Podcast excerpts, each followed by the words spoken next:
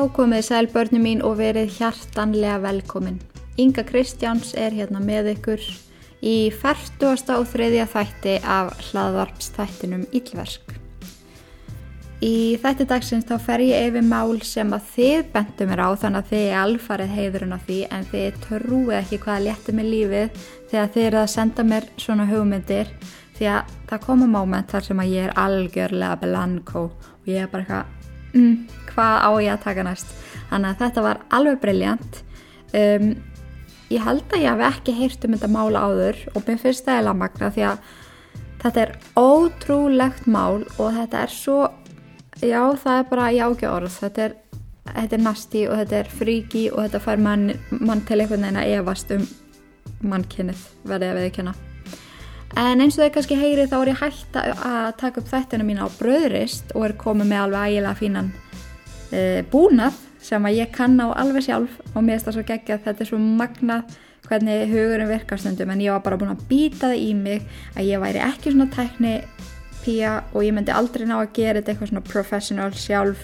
Ég er það að fá aðstóð þannig að ég var að fara alls konar leiðir að þessu sem á að kannski ekki skila bestu gæðunum. Þannig að ég er mjög stolt að sjálfur mér að, að setja þetta fyrir framann alveg nokkuð professional dót hérna og, og, og hérna. Já og mér heyrist mæja líka að vera mjög ána með þetta en ég var þegar að játa mig sigraði gegn hundinu mínum en hún þólir ekki þegar ég læsi minn í herbyggi og hún þarf að býða frammi. Þá bara, hú veist, þá stendur hún fyrir utan hurðina og, og vælir. Þannig að hún fær að vera inn í kringum mig og þau veitir þá bara af því ef að þið heyrir svona vapp. En já þannig að það er allt að gerast. Það er nýr þáttur, nýr búnaður. Ég var að hérna, læra að klippa alveg upp og nýtt þannig að ég er bara sjúklega spennt og ég vona að þið bara heyri mun og uh, jafnvel bara að fara að gráta úr svona gæsahúð af því að þið loksins heyrið fallegu blæpirregðin í röttinu minni sem að þau náttúrulega náðu aldrei að heyra út af. Ég var alltaf að taka upp í, restavel en það er alltaf gaman að bæta sig og ég er bara mega spennt fyrir þessu. En eins og ég sagði ykkur í þætti dagsins þá ætla ég að ræða mál Colleen Stan sem hefur fengið við nefnið The Girl in the Box þar sem að þegar hún var dvítug var henni rænt og höfuðið hennar var geimt í nýju kílóa kassa sem var algjörlega hljóð einangraður og engin byrta komst í gegn. Uh, hún var ekki bara geimt í þessum kassa heldur var hún í sjö ár geimt í þessum kassa. Hún var í sjö ár í gíslingu sjö ár sem kynlífstræll og þurfti bara að upplefa í bara svo sannan horror í þessu sjö ár sem hún var þræll. En já, já, let's go! Ég heiti Inga Kristjáns og þetta er færtuasti og þriði þáttur af hlaðvarpstættunum Ílverk. Colleen Stan eða The Girl in the Box, gerðu þið svo vel.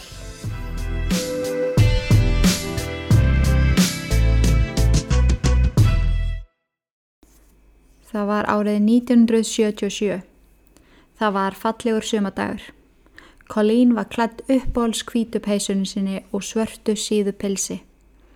Hún hafi gert sig ekstra sæta þennan daginn því að hún var á leiðinni í parti hjá vinkunum sinni. Brósmilda Colleen með síða gilda hárið gekk sönglandi niður á þjóðveg. Hún hafi oft gert þetta áður. Hún tóldi sig vera snillingið í að húka sér far. Hún vissi alveg hvað hún ætti að varast. Hún vissi hvernig fólki var óhætt að fá far með. En til þess að komast í partíið þurfti hún að fá far frá heimabæ sínum í Oregon í norður Kaliforníu. Bílferðin hefur, hefur vanlega tekið um 20 mínutur og leiðin var nokkuð bein. Tveir bílar stoppuðu fyrir henni sem henni leist ekkert á. Hún afþakkaði far af tvei mönnum en hún kunni ekki vel við að fara í bíl með manni sem var einn svo hún afþakkaði og hjælt áfram að býða. Colleen var orðin óþólumóð þegar það loksinn stoppar annar bíl fyrir henni. Blár minivan. Í bílnu voru hjón og unga barn í bílstóli aftursætunu. Hún marg þakkaði þeim fyrir og settist inn í bíl hjá þeim. Henni leið fullkomlega örugri. Ótrúlega vinali hjón sem spjöllið við hana og hlóu og litla barnið var svo ótrúlega krútlegt. Colleen horfið út úr gluggan með brosa vör. Loksins kæmist hún til vingunni sinnar sem að hún var ekki búin að hitta svo ótrúlega lengi. Henni hlakkaði til kvöldsins og partísins. Lífið er gott, hugsaði hún. Lífið er ljúft og lífið er gott. Eitthvað innra með Colleen sem sagði henn að hlaupi í burtu og líta aldrei um auksl. Það var einhver skrítin tilfinning og hún fór að evast. Hún þorði ekki að reyfa sig og ákvaði að setja kjörur. En hún hefði betur hlustað á röttina innra með sér því að þau kerðu hana á afskeptan stað og eftir það var ekki aftur snúið. Maðurinn steig út úr bylnum og reyfi purðina. Þar sem Colleen satt. Hann tók í aukslin á henni og kifti henni út úr bylnum svo hún rasaði neyru grasið. Maðurinn tók um hníf og hjælt honum þjætt upp við hálsun á Colleen. Hún var lömu úr hræðslu. Hún starði djúft í augun á manninu sem ætlaði greinilega að drepa hana og tárin runnu niður kinnanar á henni. Unga eiginkonan kom svo hlaupand að þeim.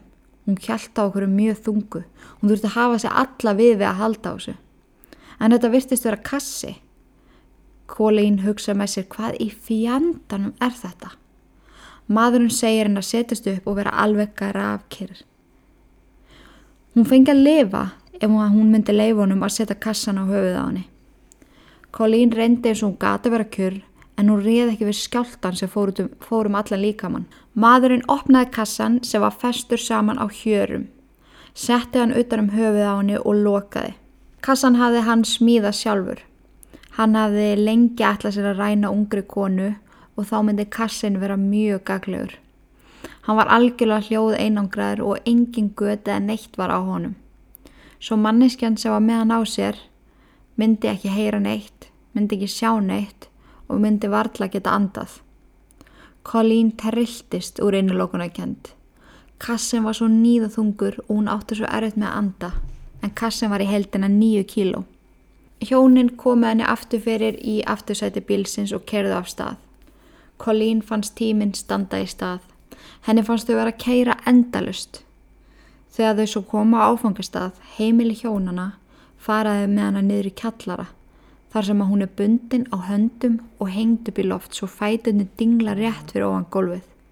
Þau börða hana, sló hana, gá henni raflöst og flengdu hana með hestapísk og brennumert hana. Sársökin var óbærilegur. Hún var svo leist niður úr loftinu, klættu hverju spjör og lögð á ískallt og drullu skítugt gólfið. Hún fann svo líka með mannsins leggjast ofan á hana og þröngva limnum inn í hana. Colleen greiðt inn í kassanum. Sásökin, niðurlægingin og vonleysið yfirtókana og þegar maðurinn hafi lokið sér af var hann hengt aftur upp í loft. Nýju kíló að kassin var svo þungur, það var svo erfitt að halda höfðinu uppi en það var líka svo vant að láta hann lafa því að þingslinn mittu hann í hálsunum. Colleen var vissum að hún myndi deyja. Hægum, sársökafullum döða, niður í þessum ógeðslega kjallara. En hvaða fólk var þetta? Hvaða fólk var þetta sem var tilbúið að ræna tvítugri stúlku og geima hann inn á heimilinu sínu? Við skulum komast að því eftir nokkur orð frá styrtaræðilega þáttarins. Vissið þú að með kóðanum Inga Kristjáns færðu 15% afslátt af öllu inn á línbóti.is og í vestlun þeirra í síðumúla. Ef þú vissir það ekki þá vildi ég allan að láta þið vita því mínar allra uppáhalds fæðubótavörur fást þar. Skeltu þér í heimsótt þeirra í búðina og fáðu fagmannlega aðstóð með það sem þú þarf til að rýfa þig í gang. Línbóti, þín markmið, þín grein.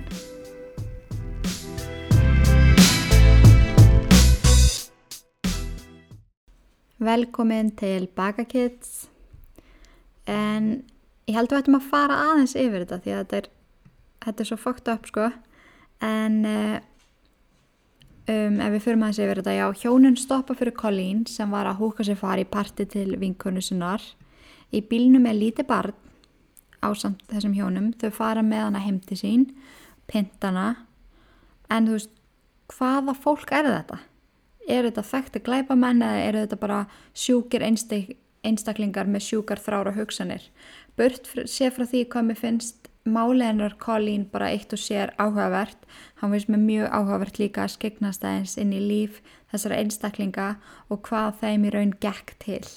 Þannig að ég ætla að segja ykkur frá nokkrum hlutum sem ég fann um þau þótt að það hefði nú ekki verið eitthvað brálaðislega mikið. En hjónin sem að rændu Colleen héttu Cameron og Janice Hooker. Já, Hooker Það er ekki vita mikið um bakgrunn þeirra en Cameron var fættur í Alturas, Kalifornia þann 5. november 1953. Hann náði aldrei að eiga almennlegt heimili og það gekk ítla fyrir hann að eiga vini þar sem að fóldra hans voru stanslust að flytja. Svo hann náði aldrei að festa rætun einstar og einmitt bara eignast eitthvað almennlega vini.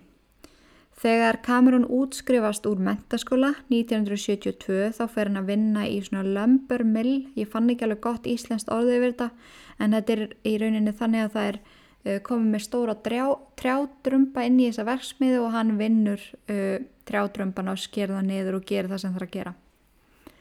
En ef við tölum aðeins um Janice sem að hann kynnist 1973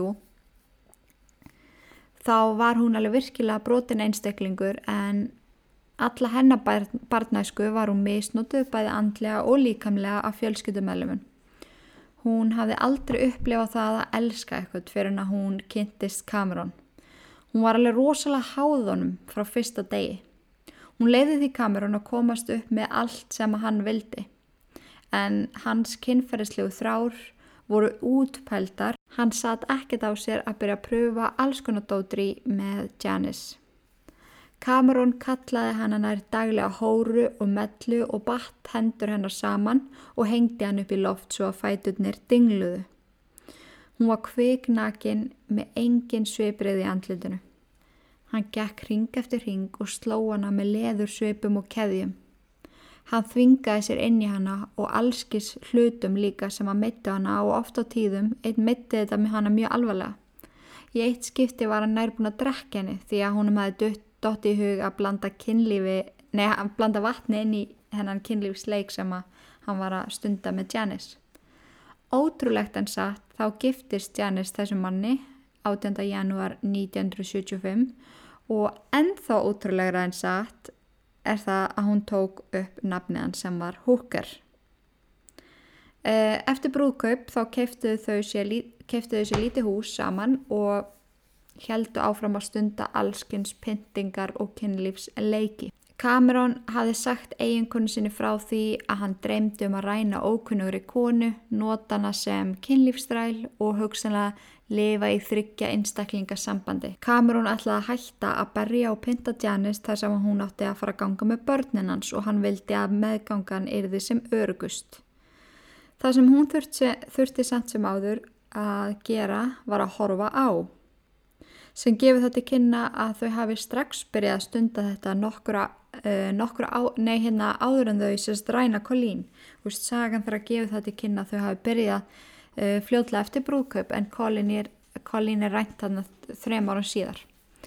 En það kom ekki fram fyrir en setna meir að þann 31. janúar 1976 pekkaðu upp hérna 19 ára gamlu Marlis Spanheik þar sem hún húkaði sér far rétt hjá Chicago, nei hjá Chico, Kalifornia. Þau keirðu með hana á afskektan stað og ætluðu sér að pinta hana þar. Hún trilltist í aftursæti bilsins, hún let öllum íllum látum svo að þau ákvaða að fara freka með hana heim og koma henni niður í kjallara. Þau butta hann upp á höndunum og hengdu hann að nakta upp í loft svo lappirnar dingluðu rétt fyrir ofan gólfið. Spáði í hvað er fokking óþægilegt að vera festur upp svona úleðanum, úleðinni saman og svo er þetta hengdur upp í loft og þú lafir þannig að þú nærði ekki með fæturnar í gólfið, það er eitthvað hræðilega óþægilegt síðan pinta, pintaði hann að stanslust í heilan dag. Það er ekki vita af hverju mál hennar fór svona en daginn eftir þá skaut Cameron hanna í magan. Þau grófu líki nálægt Lassen Volcanic þjóðgarðinum og hefur enni dag aldrei verið fundið líkið hennar. Kærastinn hennar var svo ákjærið fyrir morðið. Það kom upp síðar að Cameron var mjög svektur yfir því að hafa drefið hana og hann hefði getið haldið henni mikið lengur. Að finna aðra stelpu var því alltaf bak við eiraðans og þann 19. mæ 1977 fekk hann loksins tækifærið þegar hann kom auga á Colleen Stan. Þegar Colleen var ekki först með höfuðið í kassanum var hún læst ofin í kistu sem var aðeins strengri og stittri en líkista. Hún fekk svo að koma út þegar Cameron vildi pintana, berja hana eða nöðgani og vera bara þetta ógeð sem að hann var ég ángurins ég hata hann ég fæ bara svona hérna, blóðum mitt að byrja að sjóða að reyði, mér finnst að hann er svo mikið ógið. En hún fekk lítið sem ekkert að borða og drekka og þurfti að hæja sér bara á þeim stað sem að hún var hverju sinni. Eftir að hafa verið haldið í kjallarunum í mánuði fekk hún að fara í sitt fyrsta bað. Spáðið í tilfinningunni. Manni líður ógísla eftir að hafa ekki farið í störtu í þrjá daga og mann veist ekki gott að komast í störtu. Spáðið að komast ekki í bað, ekki í störtu í þrjá mánuði og þú ert búin að vera míga og skýta á þig, hárið þitt, fötin, það er búin að nöðgar, hann er búin að fá það inn í hann að spáði í tilfinningunni að komast í fyrsta baðið, oh my god. En hún reyndi alltaf eins og hún gat að gera það sem henni var sagt og vonaði með öllu hjarta að þau myndu treysta henni það mikið að hún fengi allavega að fara oftar í styrtu og nota baðherbyggi.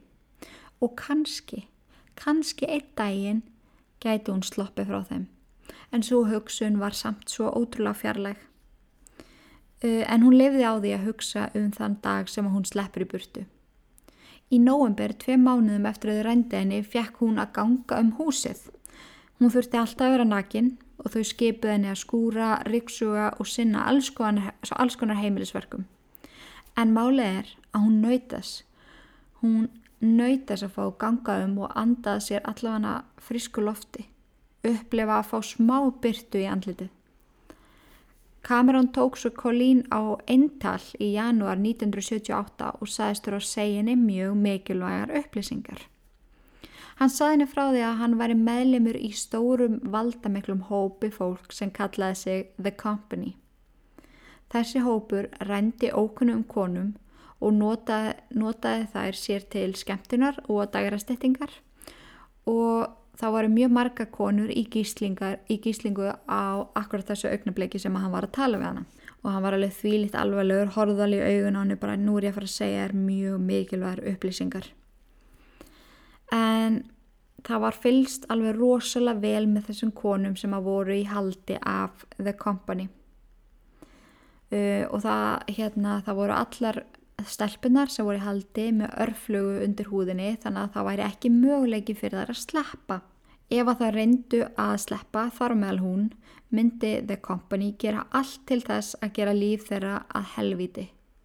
Og ekki bara þeirra, heldur fjölskytuna þeirra og hann rétti henni síðan samning, hann Cameron, og baði hann um að skrifa undir uh, svo að þetta væri allt löglegt.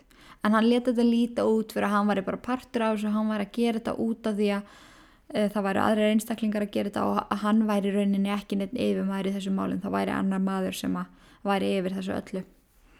En hann rétti henni svo, já þennar samning og hún þurfti að skrifa undir og þetta var svona þræla samningur sem að myndi veita höfupaur The Company sem hann sagði að hétti Michael Powers eigna halda á öllum hennar eigum, líkama og sál og öllu sem hún myndi nokkuð tíman eignast og, og hérna öllu sem hún átti nú þegar. Janice, Cameron og Colleen skrifu undir samningin og þau heldu upp á þannan merka áfanga með því að gefa henni hundaól sem hún átti að vera með öllum stundum. Yey! Það var ekki að eina sem að Cameron gerði fyrir hana innan gæsalappa.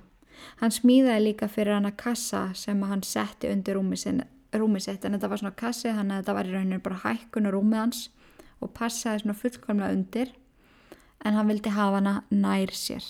Hann var greinlega eitthvað hrættu við að hún myndi sleppa og segja frá öllu sem hafi komið upp á en hann færði hana því alfarið úr líkistunni eða kistunni sem hún lág í á nóttunni um, sagt, undir, undir bara rúmið hans og Janice og þar þurfti hann að dúsa yfir nóttina.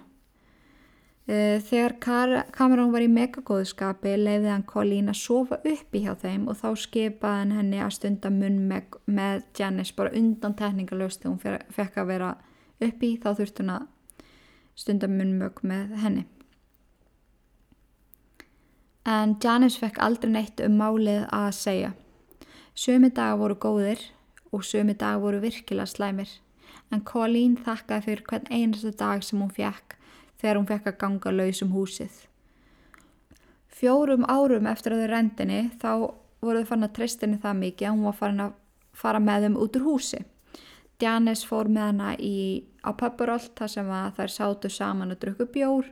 Hún skipaði svo Colleen að stunda munmög með fullt af randum köllum og betla pening líka af alls konar fólki. Colleen hlíti öllu því sem að Janis sagði. Svo gerist það sem er fókt upp. En í lok árs 1980 leifi kameran henni að ringja í fjölskyldunum sína. Bæði og fjórum árum eftir að, henni, eftir að henni var rænt þá ringir hún í fjölskyldunum sína og þau náttúrulega bara trúa af alltaf að þetta sé hún. Og þeirra vonum að hún væri bara á lífi var alveg úti. En hún sagði þeim að hún var að vinna sem barðfóstra hjá mjög almennilegum hjónum. Og það væri bara allt í fína með hana. Rétt eftir áramótin 1980-81 keirði kamerónana að hitta mömmu sína og pappa og hún kynir kamerón sem hafa búin að halda henni sem gísla sem gísla ok, sorry, ég kom sjálfur með til að hlæða halda henni í gíslingu í fjögur ár og búin að nota hana sem kynlífstræl búin að penta hana. Hún kynir hann sem kærasta sinn sem að átt að heita Mike. En það er til mjög svona traumatizing mynda en vera knúsast á netinu þar sem að þau eru bæði skelgbrósandi. Hún fjekk að gista hjá mömmu sinni áður en Cameron kom svo aftur að sækja hana daginn eftir og pæliði hvað hann er farin að trist henni þarna. Hann bara veit að hann er alveg með hann í vasanum og hann veit að hún mun koma með honum þegar hún veit að, þegar hún veit að honum að vera að koma að sækja sig. Þannig að hvað sagði ég veit af oft hana. Hún fekk að gista á mömmu sinni en áður en kamerun kom aftur að sækja hana Hún fekk að gista á mömmu sinni áður en kamerun kom aftur að sækja hana daginn eftir. Colleen þráði ekkert meira heldur en að vera áfram með mömmu sinni en óttaðist örfluguna sem fyldist með hverju skrefi og The Company sem myndi gera lífi hennar og fjölskyldun hennar að helviti. Cameron sagði Colleen daglega hvað hann væri ánaði með hana Hún væri ótrúlega döguleg og það leti allt út fyrir það að hún fengi að slappa fyrr út í frelsið og losna við örflöguna. Þetta komment gaf Colleen svo mikinn kraft og þessi litla von sem hún hafði innra með sér var sterkari með hverjum deginu sem leið. Colleen fekk svo að vinna halvan daginn á móteli sem var í göngufæri við heimili húkarsjónana og þar kallaði hún sér K-Powers og allar þær tekjur sem hún fekk fór beint í vasan á Janis og Cameron. Þannig að þið geti rétti ímyndað eitthvað hvað þau eru farin að treysta henni. Þau eru farin að treysta því að hún farið þannig til fólkdra sinna gisti og komið svo aftur og farið að vinna. Veist hún geti svo auðvöldlega hlaupi í burtu en þannig eru þau komið með þetta hald á henni. Og þau eru farin að gera hann að háða þeim. Þannig að hún kemur alltaf tilbaka. En Cameron var svo ótrúlega sáttur með hvernig allt var að ganga að hann barði undir konunu sína að hann ætlaði að gera stóra grefju undir garðskýliðra sem var út í garði. Og þar ætlaði hann að hafa Colleen á samt öðrum. Og Janis lítur á hann og segir hvað mennur með öðrum, með einhverjum fleirum og þá tilger hann henni það að hann vilji fá fleiri kynlífstræla því að þetta sé að ganga svo ótrúlega vel að hann vilji fá fleiri Morðið Marriér, segir hann. En hún brósið til hans, en innst inni þá var hún bálreið. Því að í rauninni þá kom karakterinn hennar Janis aldrei út. Hún gerði bara allt sem að hann sagði og, og hún var náttúrulega mjög bælt bara sjálf og kom úr ótrúlega brotnu og, og bara hræðilegu umkörfi Þannig að þótt að hún hafi í raun tekið þátt í þessu öllu með, með að segja ekki neitt og með að hjálpunum þá var þetta kannski ekki það sem henni langaði að gera. En hún alltaf hann að trilltist þarna þegar hann segir að hann vilji fá inn fleiri konur og hún hugsa með sig bara nei, ég geti þetta ekki ég bara, ég meika ekki að fá fleiri konur en brósið hann til hans og þú er náttúrulega ekki að segja neitt en hún var aldrei staði í hárinu á þessu manni. En en hérna það sem að mér finnst svo ótrúlega áhugavert er að Janice fer til Colleen daginn eftir þegar að kamerun er í vinnunni og segir henni allt, bara allan sannleikan að það sé ekkert kompani það er engin örflaga og maðurinn hennar væri bara klikkaðu kynlífsvíkil með brenglað þrár og hún yrði að flýja og þær yrðu að standa saman. Annars myndi hann ræna fleiri stelpum og læsa þróun í grefinu með henni. Setnað en hann sama dag var hún farin. Janice leta hann að fá pening fyrir strætó. Þegar Colin var svo komin upp á strætóstöð kom hún auga á tíkallasíma og hún fann þess að skrítni tilfinningu yfirtaka sig. Henni fannst hún þurfa að ringja í kamerun og hvaði hann. Sem hún gerði. Ég farin, sað hún og hann brotnaði neyru síma. Colleen hafi lofað Janice að ringja ekki laurugluna, heldur leifa henni að gera það, sem hún gerði. Hún saði frá því að hann hefði rænt Colleen og myrst aðra konu. Því að, og af því að líka fyrir að fórnalambi fannst aldrei, þá var hann bara ákerður fyrir sagt, það að ræna Cameron og fær hann á endan um 95 ár í fangilsi en Janis fær að sleppa laus allra mála fyrir það að hjálpa lauruglunni að koma húnu bak við láts og slá. En þetta er svo magna því að hún ringir hana í hann og segir bara ég farin, hann brotna niður, hún fyrst þetta bara hræðilega erfitt og hann í rauninni setur ekki upp neyn, hann reynir ekkert að komast undan því sem að uh, beigðans. Svo sláruglan mætar bara heim til hans og tekur hann fastan og hann svo leysið svo bara frá skjóðunni. Þannig að hann hafði greinlega aldrei alltaf sér að ljúa eitthvað til um þetta þegar hann er svo lóksins böstaður. Og það sem ég er líka svo magna er hvað, þessi, hvað þetta mál tekur einhvern veginn snögga uppeyju um, að því að í öll þessi ár þá var Janis búin að standa fast við hliðin á hann gera allt sem hann sagði bara hlýða öllum hann skipunum og svo allt í henni er eitthvað innra með henni sem snappar og ég er mjög forvitin að vita nákvæmlega hvað það var En þið vitið og hafið öruglega heyrt að öfund getur gert fólk grænt í framann. Öfund er líklega besta tilfinning sem er til. Hún er í rauninu svolítið bara svo að kingja eitri. En margir telja að Janis hafi bara fundið fyrir pjúra öfund að hann vildi fá einn fleiri konur. Að hún væri ekki bara nóg. Af því að hún, hann hafði vist verið að nefna við hana að hún, að hún langaði svolítið að vera í svona three-way hjónabandi með Janis og Colleen.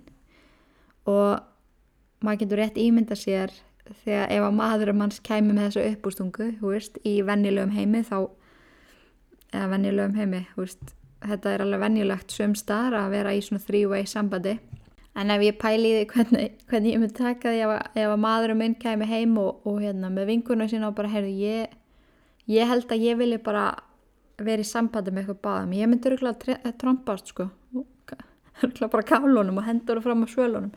En alltaf en, en hérna en það er talið með þetta Janis hafi orðið bara alveg rosalega afbreyðs og hún hafi bara ekki meika að deila manninu sínum sekundu lengur og, og hún hefur auðvitað bara hugsað ef að, ef að ég get ekki fengið hann bara útaf fyrir mig þá getur enginn fengið hann og hann er betur settur bara í fangelsi. En mér finnst Colleen líka bara Colleen er náttúrulega ein mögnum manneskja líka en það er að það ég er að mynda að fara að byrja á bókinni sem að hún skrifaði á samt einhvern réttönd um, sem ég held að sé mjög áhugaverð. Ég hefði viljað lesa hana áður en ég tók upp hennar þátt en þetta er náttúrulega bara meiri smáadrið og líka bara hvernig hún er búin að takast á þetta áfall því að hvernig í fokkanum tekst maður á við eitthvað svona. Þetta er rosalegt. En eftir að hafa verið fangi í sjö ár kynlífsræll og bara þrællin á heimilinu og bara verið peint og látin sofa í kistu þar sem hún þurfti að pissa og kúka og liggja svo í því og fara ekki bað vegum saman veist, hvernig nær maður sér út úr því að því að þessi kona í dag er alveg að gera fina hluti, veist, hún er með mann og hún á dóttur og hún er að halda fyrirlestra, hún hefur skrifað bækur og veist, ég, ég, mér finnst magnað að hún hefði náð að lifa helbröðu lífi eftir þessa fókt upp lífsreynslu.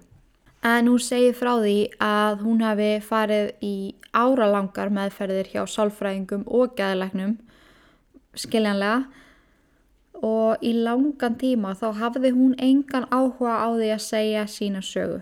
Þú veist, henni langaði ekki að tala illa um Cameron en ótrúlegt en satt þá er mjög algengt að fórunalömm tróa á tilfinninga til afbrótamannana uh, sem að þeir hafa öruglega heyrt kallað Stockholm syndrom.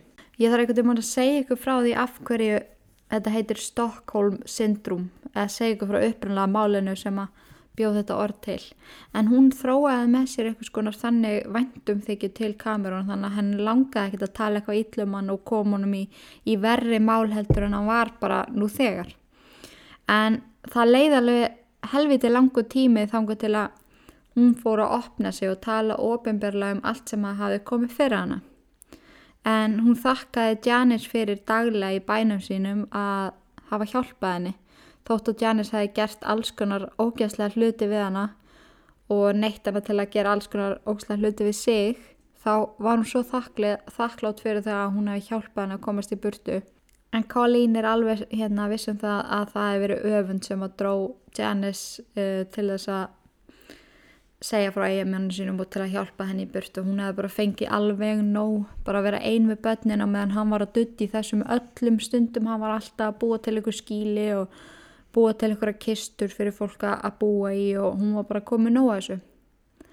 En eins og ég sagði hann þá Colin í dag eiginmann úr sína eigin dóttur og hefur breytt nafninu sinu og býr í rólugu útkverfi í Kalifornia en þetta var máleginar Colleen Stan. Þetta er ángríns magnað því að ásó erfitt með svona um, hitchhikers mál því að mér finnst þetta að vera sá glæpur sem er svo ótrúlega nær raunveruleikanum. Fattiði hvað ég við? Af því að maður sér náttúrulega oft fólk húka sér far maður sér oft krakka að vera eina út að lappa og þetta eru bara nákvæmlega þannig aðstæður, þetta eru krakkar sem eru einir úti og það er nýtt sér aðstöðuna og tekið upp í bíl þannig að mér finnst svo óþægilegt hvað þetta er svona raunverulegur glæpur innan gæsalappa eða skiljið hvað við, þú veist.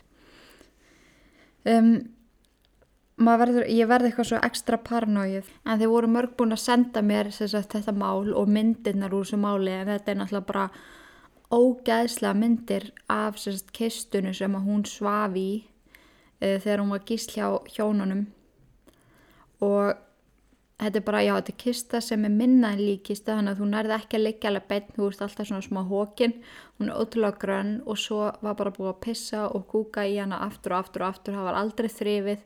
Og þannig þurftu hann að fara ofan í og sofa. Og þú veist, getið þið bara pælt í þessu, í lyktinni og kuldanum og bara tilfinningin að vera á núni og svo var lók ofan og þannig að það var alltaf ótrúlega dimt og þetta er bara svo mikill horror að Mér finnst í alveg magnað að hún hafi náð sér á streik og náð að lifa nokkuð heilbreyðu lífi eftir þetta. Allavega þannig að veist, hún er allavega að fungera. En, en það sem er me meira traumatizing er náttúrulega myndin af þessum kassa, þannig að höfuðkassa. Hann er náttúrulega meira en ógæslegur en þetta er svona sér hannað til þess að smetla utan um höfuðið og þeir geta alveg sé myndir af þessu en þetta er svo það, það sem er mest fakt upp er hvað þetta er ótrúlega útpælt. Hann, hann vissi nákvæmlega hvað hann ætlaði sér þegar hann bjóði hann kassa til. Þetta var allan tíma planið og það er svo ógeðslega brenglað. En hann bjóði til svona kassa bara, hann var bara svona ferkantaður og það var svona gatar sem að hálsin átt að fara og svo lokaðist hann svona hjörum sem voru efst uppi. Og inn í þá var svona hérna hvað heitir þetta? E, svona til þess að hljóð einangra svona pappi eða oh, ég man ekki hvað þetta heitir. Allavega hann var algjörlega hljón, hljóð einangrað. Einangraði þá voru engin gött á kassanum svo að manneskinn sem var inn í honum myndi sjá út. Þannig að, þannig að það sem að þú áttur að hérna, upplefa í þessum kassa var bara algjör innilókun og, og svo, ekki, svo hjálpaði ekki til hvað þessi kassa var mökk þungur. Það getur rétt ímyndað eitthvað það að vera með nýju kíla að kassa á hausnum. Þú sérð ekki neitt, þú heyrir ekki neitt og þú veist ekkert hvað er frétt og svo er þetta drattast með þetta á hausnum á, á þér. En það er margt hérna og svo er þetta drattast með þetta á hausnum á þér. En ennþá í dag, þú veist, ef það er eitthvað sem háer Colleen, þá er það að hún er með króniska, hérna svona háls og bakverki eftir að hafa töng, verið með hann kassa á sér alltaf og líka bara eftir að hafa verið svoandi og nýðist þeirri kistu og hún þarf að vera í sjúkraþjálfur mjög ræklilega og svona. En þetta er bara svo þetta er svo bara englað en Mér langaði útrúlega að taka næst, eða kannski ekki næst en núna fljótlega með ykkur Evil Genius málið. En það er svona, ok, það er ekki svipað. Það er samt smá svona gíslfílingur í því en ég er alltaf nú komið með svo mikið obsession fyrir svona heima tilbúnum pyntingagræjum. Og það er ekki eitthvað svona fettis eða eitthvað þannig, mér finnst bara svo áhuga að vera smíðin á baku þetta og hvert eitt og einasta smáadriði er útpælt. En ef að þið hafið ekki sé Evil Genius þá myndi ég klárlega að horfa það á, á Netflix. En þetta er kona sem heitir Marge og er alveg illa lasen kona. Þetta eru nokkri þættir í seríunni mjög áhugavert en hún svo tekur mann e, í gíslingu ásand félag sínum og það er búið að smíða ykkur að sprengju sem er sett utan um hálsin á gæjanum og svo setur hann út á götu og springur. Þegar við pottet heyrti ykkur um þetta það er mjög áhugavert mál. Og, og smíðin á baku þessa græju sem var gerðið utan um hálsin á hann sem átt að springja hún var, hún var ángur sem mögnu þá var búið að nota ykkur að gamla síma og alls konar svo les þannig að maður þarf hellingsvittnesku til þess að búa til svona græju þannig að ef að þið eru svona Ég er svona týpa, ég þarf alltaf að vita allt um allt. Mér finnst í alvegni allt áhugavert. Það eru ótrúlegustu hlutir sem að ég hef flett upp og eitt óvart nokkur um klökkutífum í að researcha og ef að einhverju frægur, ef að einhverju frægur bregður fyrir sjóarpinu, sem er kannski látin, eins og Elvis. Ég hef googlað Elvis í heila viku, ég held ég viti allt um hann. Mér finnst þetta svo áhugavert og veist, að ég googlið eitthvað svona homemade murder weapons og hostage, hostage weapons og eitthvað þá kemur mjög mikið áhugaverðum uppfinningum og pælingin á bakvið þetta húst, manneskjöldnar sem að smíði þetta þau voru með einn ásetning og þau ætliðu sér að framkaman sama hvernig það er þið en nógum það ég, hérna, þetta var máleginar Colleen Stan, ótrúlega áhugavert takk enn og aftur fyrir að benda mér á það En svo ég tali aðeins meir um Cameron þá fór hann bara hann í 95 ári fangelsi. Hann síndi enga streitu hérna á mótið því að fara í fangelsi og hún sagði fyrir öllu því létta og ég held að hann sé dauður. Ég held að hann hafi dáið 2005 ef ég mann rétt. Og Janis náttúrulega bara slapp alveg og var laus allra mála. Hún flutti bara ykkurt í burtu og breytti um nafni sitt líka. Hún er búin að eignast eitthvað bönn í dag þannig að vonandi bara náði hún um þetta að vinna úr sínum málum líka en hún var í rauninni fornalamp þótt að hún hafi verið í rauninni gerandi með því að gera ekkit í þessu fattiði þá, þá held ég alveg að það við borga sér miklu frekar að, að hérna, losa hana við hann heldur en að skella henni í fangja sér líka eða það er allavega mín skoðun. En þetta var allavega sjúklega áhugavert og bara áhugaverðast eru líka bara myndirnar einmitt af þessari uppfinningu þannig og, og hérna líkistunni og myndina. Já myndin af henni þegar hún er heima á fólkdæri sínum og þau eru að knúsast og brosa, veist, þetta er svo fókt upp veist, þegar maður veit sögun á baka þetta að horfa í augunum stelpunni og bara já það er, það er falin sannleikur baka þessi augu og þetta brosi svo mikið feik og þetta, þetta er svo magnað ángrins myndirnar og ljósmyndirnar sem eru til á internetinu af þessum málum eru beyond me. Ég geti talað um það endalust og ég ætla mig líka alltaf að setja endalust að myndum inn á ílverk uh, Instagramið. Ég er rosalega lélega að muna það ég veit ekki hvað það er en ég náttúrulega ætlaði mér á tímabili að vera með Instagram fyrir sjálfa mig Instagram fyrir mæju hundi minn og Instagram fyrir ílverk líka Þannig að ég er alveg ótrúlega maður. Ég næf alltaf að hugsa um mitt eigið en ég set alltaf inn þegar, að, þegar ég mann eftir því. En ef að þið viljið fylgjast með mér meira, veist, svona dagstælega þá myndi ég klálega að vera bara inn á mínu Instagrami. Þú veist, ég er mjög dugleg þannig að setja stóri þar og, og, og síni alls konar frá lífinu mínu líka. Ég er, ég er að æfa ótrúlega mikið og svo er ég að vinna í mjög áhugaverðir vinnu. Ég síni svolítið frá því og þannig að þau getur fyllt með þar ég heiti bara Inga Kristjáns á Instagram eða þið viljið fylgjast eitthvað frekar með mér þá getur þið fyllt með þar en annars bara þú veist, skiptir engu ég reyna að vera dögulega að setja hún íllur podcast eða líka einmitt þegar ég finn svona áhuga að vera myndir að skella á gæðin uh, þannig að við getum spjallað eitthvað um þetta. Og svo náttúrulega vonæst ég til að sjá spjallþráð inn á íllverkurúpunni á uh, Facebook. Þeir eru nú orðin ansinn vörg það 3400 held ég síðast í gáði. Og þar eru einmitt alltaf að skapast eitthvað skemmtilegar umræður sem var mest farlega skemmtilegt að þetta sé bara svona svona community sem getur rætt um eh, hluti sín og milli. Þannig að það er ótrúlega skemmtilegt. En svo ég svariði líka áður við hættum hérna í dag þá hafið mörgur að spöra mig hvort ég ætli að fara í jólafrí frá podcastinu. Svarið við því er já, ég ætla að taka mér frí en ég ætla ekki að láta einhver finna fyrir því þar sem að ég ætla að vera búin að taka upp þættina fram í tíman, ég ger það vanlega ekki ég er alltaf á síðasta snúning eins og því að við mörg hver tekið eftir. En ég ætla að taka þátt, uh, þetta upp fram í tíman ég ætla mögulega að gera eitthvað svona serjur ég segi ekki meira um það. Ég er alveg mjög spennt, ég vona þið séu það líka þannig að þið hafi alveg nóg að hlusta á um jól og áramót. Og, og hérna þannig að já, ég vona að ég láti ykkur ekki finna neitt fyrir því að ég séu frí þannig að þegar þið eru að setja jólastegina inn á aðfangadag eða þrýfa klósettið eitthvað bara whatever þá getur þið hlusta á mig vonandi þannig að engar á að gera því. Annars langar mér bara að minna ykkur á að ángriðs ekkert stress. Jólinn koma, jólinn fara þú veist gerið bara eitthvað besta þú veist, gafir það skiptir ekki máli hvað það kosta það skiptir ekki neinu máli. Það er hugurinn sem gildir ángríns og það hittast um jólinn er það sem skiptir mestu máli.